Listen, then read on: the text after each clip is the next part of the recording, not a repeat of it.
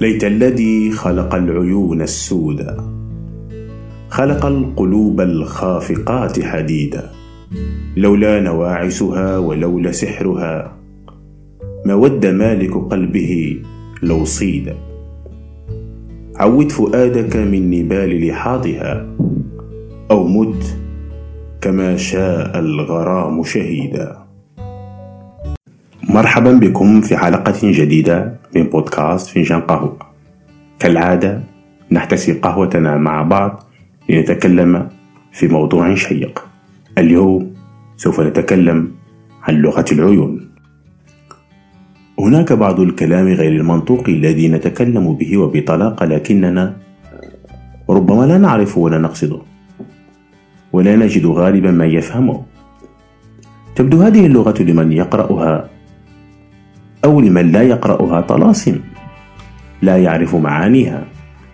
وغالبا ما تكون الزوجات من أمهر الناس في قراءة أعين أزواجهن فيعرفن من النظر إلى عيون الزوج إذا كان منزعجا أو سعيدا أو مهموما. والأصدقاء أيضا ماهرون في قراءة أعين أصدقائهم. لكن كيف يتم هذا ولماذا؟ إنها المشاعر فهي التي تترجم بلغة العيون. حتى لو لم تكن مشاعر إيجابية فحتى الأعداء يفهمون غالبا عيون بعضهم البعض. العيون تلتقي لتنقل لنا معان لكن تعلم هذه المعاني ليس بتلك الصعوبة. وسأقرأ عليكم اليوم بعض القواعد للوصول إلى معاني لغة العيون. لكن قبل هذا العين تخبر على صدق الشخص أو حميميته. من منا لم يستعمل عبارة حط عينك بعيني كما يقول إخواننا المصريين. يتأكد من صدق نوايا المتحدث. ذلك أن من يراوغ ويناور يتحاشى أن ينظر في عيونك مباشرة. كذلك يلاحظ أن الإنسان حينما يفكر بالماضي أو يستحضر معلومة من الماضي فإنه ينظر إلى الأعلى ثم إلى اليسار. أما من يفكر بالمستقبل أو يحضر, يحضر لشيء يقوله فعلى الأغلب أنه سوف ينظر إلى الأعلى إلى اليمين. فإذا ما سألنا شخصا عن تجربة له في الماضي فسرح وحدق إلى الأعلى واليمين فعلى الأغلب أنه يؤلف جوابا ولا يستحضره من ذاكرته.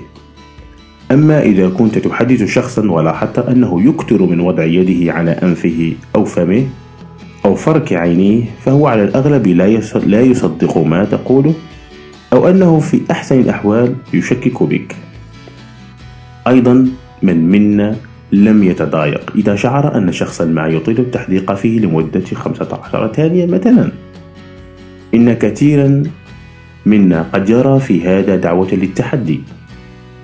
أما تحديق المحب فمختلف حيث يكون الجفن فيه ارتخاء والجبين منبسط. وقديما قالت العرب الصب تفضحه عيونه. لنتكلم عن العيون وأسرارها النفسية البشرية. نظرة العين من أبرز أسرار النفس البشرية. من خلالها نتعرف إلى العالم ونرى فيه الجمال والقبح ونتعرف على الآخرين ونتواصل معا. ويظهر في أفراحنا وغضبنا ورضانا على الحال أو الأشخاص أو عدم رضانا عنهم. نستمتع من خلالها باللحظات الجميلة وننزعج من اللحظات السيئة. يرى جون أموديو أنه يمكن للبشر التواصل عن طريق العين من دون حرف ولا حركات ومن هذا تواصل مواليد حديث الولادة الذين لا يملكون وسائل تواصل مع أمهاتهم إلا بأعينهم. كثير من البشر لا يدرك أن هاتين الفتحتين الغائرتين في الجمجمة يوفران طاقة هائلة للتواصل والتعبير خاصة فيما يتعلق بالأحاسيس والعواطف والمشاعر.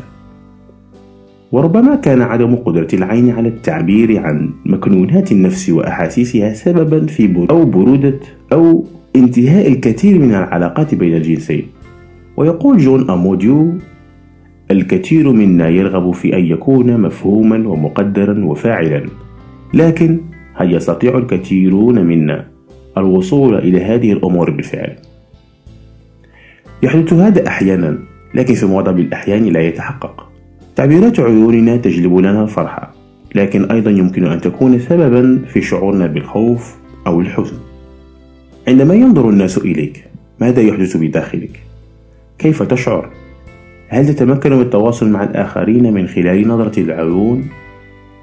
أم لا تتمكن من ذلك؟ إنها بالنسبة للبشر أمور محيرة وربما مخيفة أو كلاهما معا أن تكون متابعا من جانب الآخرين ربما يكون أمرا محببا ولكن هناك كثيرون يرون ذلك أمرا مروعا ومضجرا لأنه يجعل الآخرين مطلعين على خصوصيتك أو يتدخلون في أمورك أو يمنحو لا يمنحونك الحرية والخصوصية اللازمة الجحيم هو الآخر.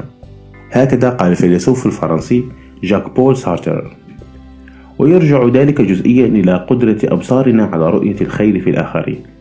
بينما يراك الآخرون ككائن طبيعي له سلبياته وإيجابياته وهناك كثيرون يخشون من تحمل العبء اتجاه أي تصرفات وتصورات سلبية محتملة يراها فيهم الآخرون عندما تنظر إلى عين شخص آخر هل تستطيع ملاحظة حكمه على شخصيتك؟ هل تميل إلى وضع الناس في مكان محدد في حياتك أم تترك لهم الفرصة للتعمق أكثر في حياتك وخصوصيتك؟ ربما إذا مارسنا متابعة الناس والحكم على شخصياتهم بطريقة أكثر انفتاحا وباستخدام أعيننا التي لا تركز على السلبيات فقط فإننا قد نحدث معهم تواصلا أكبر ويكون لدينا المزيد من العلاقات والأصدقاء التي ربما تستمر لفترات أطول من المعتاد. اتصال العين مصاحبة مع الاتصال الحسي المادي يمكن أن يصبح نوعا من الممارسات الذهنية. ويمكن أن نلاحظ أن تحركات المعدة أو خفقان القلب ونحن نحدق في عيون الشخص خاصة لو كان من المقربين إلينا. تلك الأمور تكون أكثر وضوحا في ملاحظة حركات من نحبهم والذين تتتبع أعيننا كل حركاتهم حتى غير الملفتة منها بما يولد شعورا لذيذا من الدفء أو ربما الهيام. إذا كنت من الأشخاص أقوياء الملاحظة ربما يمكنك أن تدرك كيف يمكنك ملاحظة أمور في شريك حياتك لا تنتبه لها في أشخاص آخرين. وربما يكون هذا الأمر متكررا بقدر ما مع أصدقائك المقربين بخلاف الآخرين. ويختم المعالج النفسي قائلا لكن هذا لا يعني أبدا أن تستمر في التحديق في وجوه الناس وأجسادهم بشكل يجعلهم يشعرون بالريبة من تصرفاتك. فهناك إيقاع طبيعي للنظر إلى الناس قبل أن تشيح بنظرك بعيدا. لنتكلم عن أشكال وألوان العيون كيف ترون ذلك في نظرتكم؟ كثيرا ما نسمع بعض الصفات التي لو دققنا في الوصوف لوجدناها أوصافا لا تليق بالعيون بل هي تصف الأشخاص بكامل شخصياتهم. لكن غالبا ما تظهر شخصية الإنسان في عيونه فتلتصق صفاته بالعيون. كأن تسمع وصفا للعيون بأنها الساحرة أو خائنة أو واثقة أو جريئة أو ضعيفة أو متخاذلة أو وديعة أو متكبرة أو ذكية أو غبية فالعين تفضح صاحبها. فمن يقول لك انظر في عيني يرغب أن ترى فيها الصدق. ومن يتهرب من النظر في عيونك أو عيون, من يحاوره فهو غالبا يخفي شيئا ما. لكن كيف نفهم لغة العيون؟ طريقة النظر لقول الكثير. عندما ينظر لك الذي يتكلم معك بشكل مباشر ويركز بالنظر معك عندما تتحدث فكن واثقا بأن هذا الشخص بالتأكيد مهتم بما تقول. من تتحدث له بعيونه بعيدا عنك أو بشكل لا إرادي وجدته قد تشاغل بشيء ما أو عبث بهاتفه فهو بالتأكيد لا يرغب بإكمال الحديث أو يرغب بتغيير الموضوع أو ربما يكون غير مهتم بما تقول. إن نظر إلى الأرض فهناك يمكن أن تستنتج وجود حقيقة يحاول من يجالسك إخفاءها. فإذا كنت أنت المتحدث فهو يحاول التفكير في الكلمات المناسبة ليخبرك الحقيقة بها. وإن كان هو المتحدث فهو يحاول إخفاءها. وما رأيكم بالتقاء العيون؟ عندما لا تلتقي عيونك بالمتحدث مع أنه يتحدث لك فقط فعلى المتلقي أن يشك في مدى صدق المتكلم. وإن كانت العيون تلتقي وتنفصل مرارا فهذا يعني أن المتلقي بدأ يسأم الحديث. وكثيرا ما كانوا يتكلمون عن اتساع العيون ومعانيها. عندما تلاحظ اتساع عيون الشخص المقابل ولمعانها خلال الحديث فهذا يعني أن حديثك يصيبه بالدهية والإعجاب. وربما الخوف ويدل أيضا على مدى حبه لك وإعجابه بشخصيتك. وكثيرا ما نتكلم أيضا على حركات العيون. عند المديح وتحول العيون باتجاهات مختلفة فهذا يمنح ما تقوله مصداقية أكبر. وإن قابلك الطرف الآخر بالنظر إلى الأسفل ثم بدأ برفع نظره نحوك فهذا يشعر بالخجل مما قلته له. وأنه وأنه يرى أن ما مدحته به يفوق ما يظن أنه يستحقه أما إذا كانت عيون المتكلم هي التي تتحرك عشوائيا فهذا يدل على أنه متعب ويستعجل إنهاء الحديث. حركة العيون إلى الأعلى تدل على الحزن أو ربما الغضب لأنها حركة لا إرادية لمكافحة الدموع وإخفاء المشاعر. وتثبيت العيون دليل على التركيز فهذا يحصل عندما يكون الحديث يمس حياة المستمع أو متحدث بشخص ما. الرمش المتكرر للعيون غالبا ما يحصل لمن يرتدون العدسات لكن إن حصل بشكل مفاجئ أو لم أو من شخص أو من شخص تعرف أنه لا يرتدي العدسات اللاصقة فهو يدل على الاضطراب أو أو أن الحديث يزيد من انزعاج الشخص لكنه يحاول إخفاءه. لا أخفيكم أن هذا الموضوع بحد ذاته متشعب كثيرا فلغة العيون تدخل في جميع تصرفاتنا وفي جميع حياتنا وفي جميع أحوالنا. فمثلا للنظرات أنواع كثيرة وكثيرة منها النظرة القوية الفعالة المراوغة المرتعشة الجذابة الطيبة المتكسرة الناعسة وكثير وكثير. لن نستطيع أن نشملها في موضوع واحد ولكن سوف نتطرق لها في المستقبل بكل تفاصيل. نظرة المحبوب للمحبوب نظرة الصديق للصديق نظرة العدو للعدو ونتعلم كيف نعطي انطباعا إيجابيا لمن ينظر إلينا وكيف نشعر الآخرين باهتمامنا بما يتكلمون أو باهتمامنا بهم أو بأخلاقهم أو بتصرفاتهم.